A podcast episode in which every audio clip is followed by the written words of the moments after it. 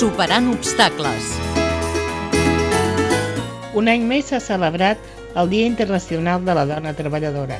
El sector de la discapacitat també aprofita la data del 8 de març per recordar la doble discriminació que pateix aquest sector.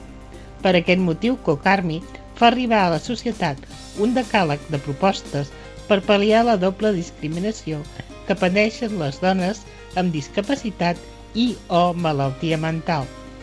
Els 10 punts que ara us comentarem són Cal reforçar la perspectiva de gènere i discapacitat de forma transversal en totes les polítiques públiques de les administracions estatal, autonòmica i municipal. Totes elles fan actuacions allunyades de les necessitats reals. Cal crear un disseny i implementar programes específics de salut femenina adreçats a les dones amb discapacitat. Els problemes en aquest cas són més específics i necessiten accions interdisciplinars. Encara moltes zones de visita femenina i aparells d'exploració no són accessibles a totes. Cal un accés a una formació de qualitat, també l'accés a un lloc de treball adequat a les capacitats de la dona, amb l'aplicació, quan calgui, de mesures d'acció positiva i, evidentment, igualtat salarial. Falta presència dels drets de les dones amb discapacitat i malaltia mental en les reivindicacions d'entitats feministes i o en defensa de la dona, sindicats i altres agents socials.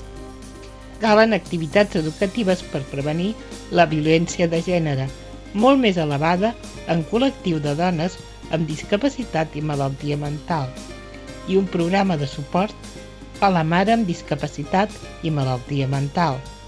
Falta encara un accés sense barreres a productes i serveis adreçats a les dones, com per exemple la moda, la perruqueria o l'estètica, entre altres.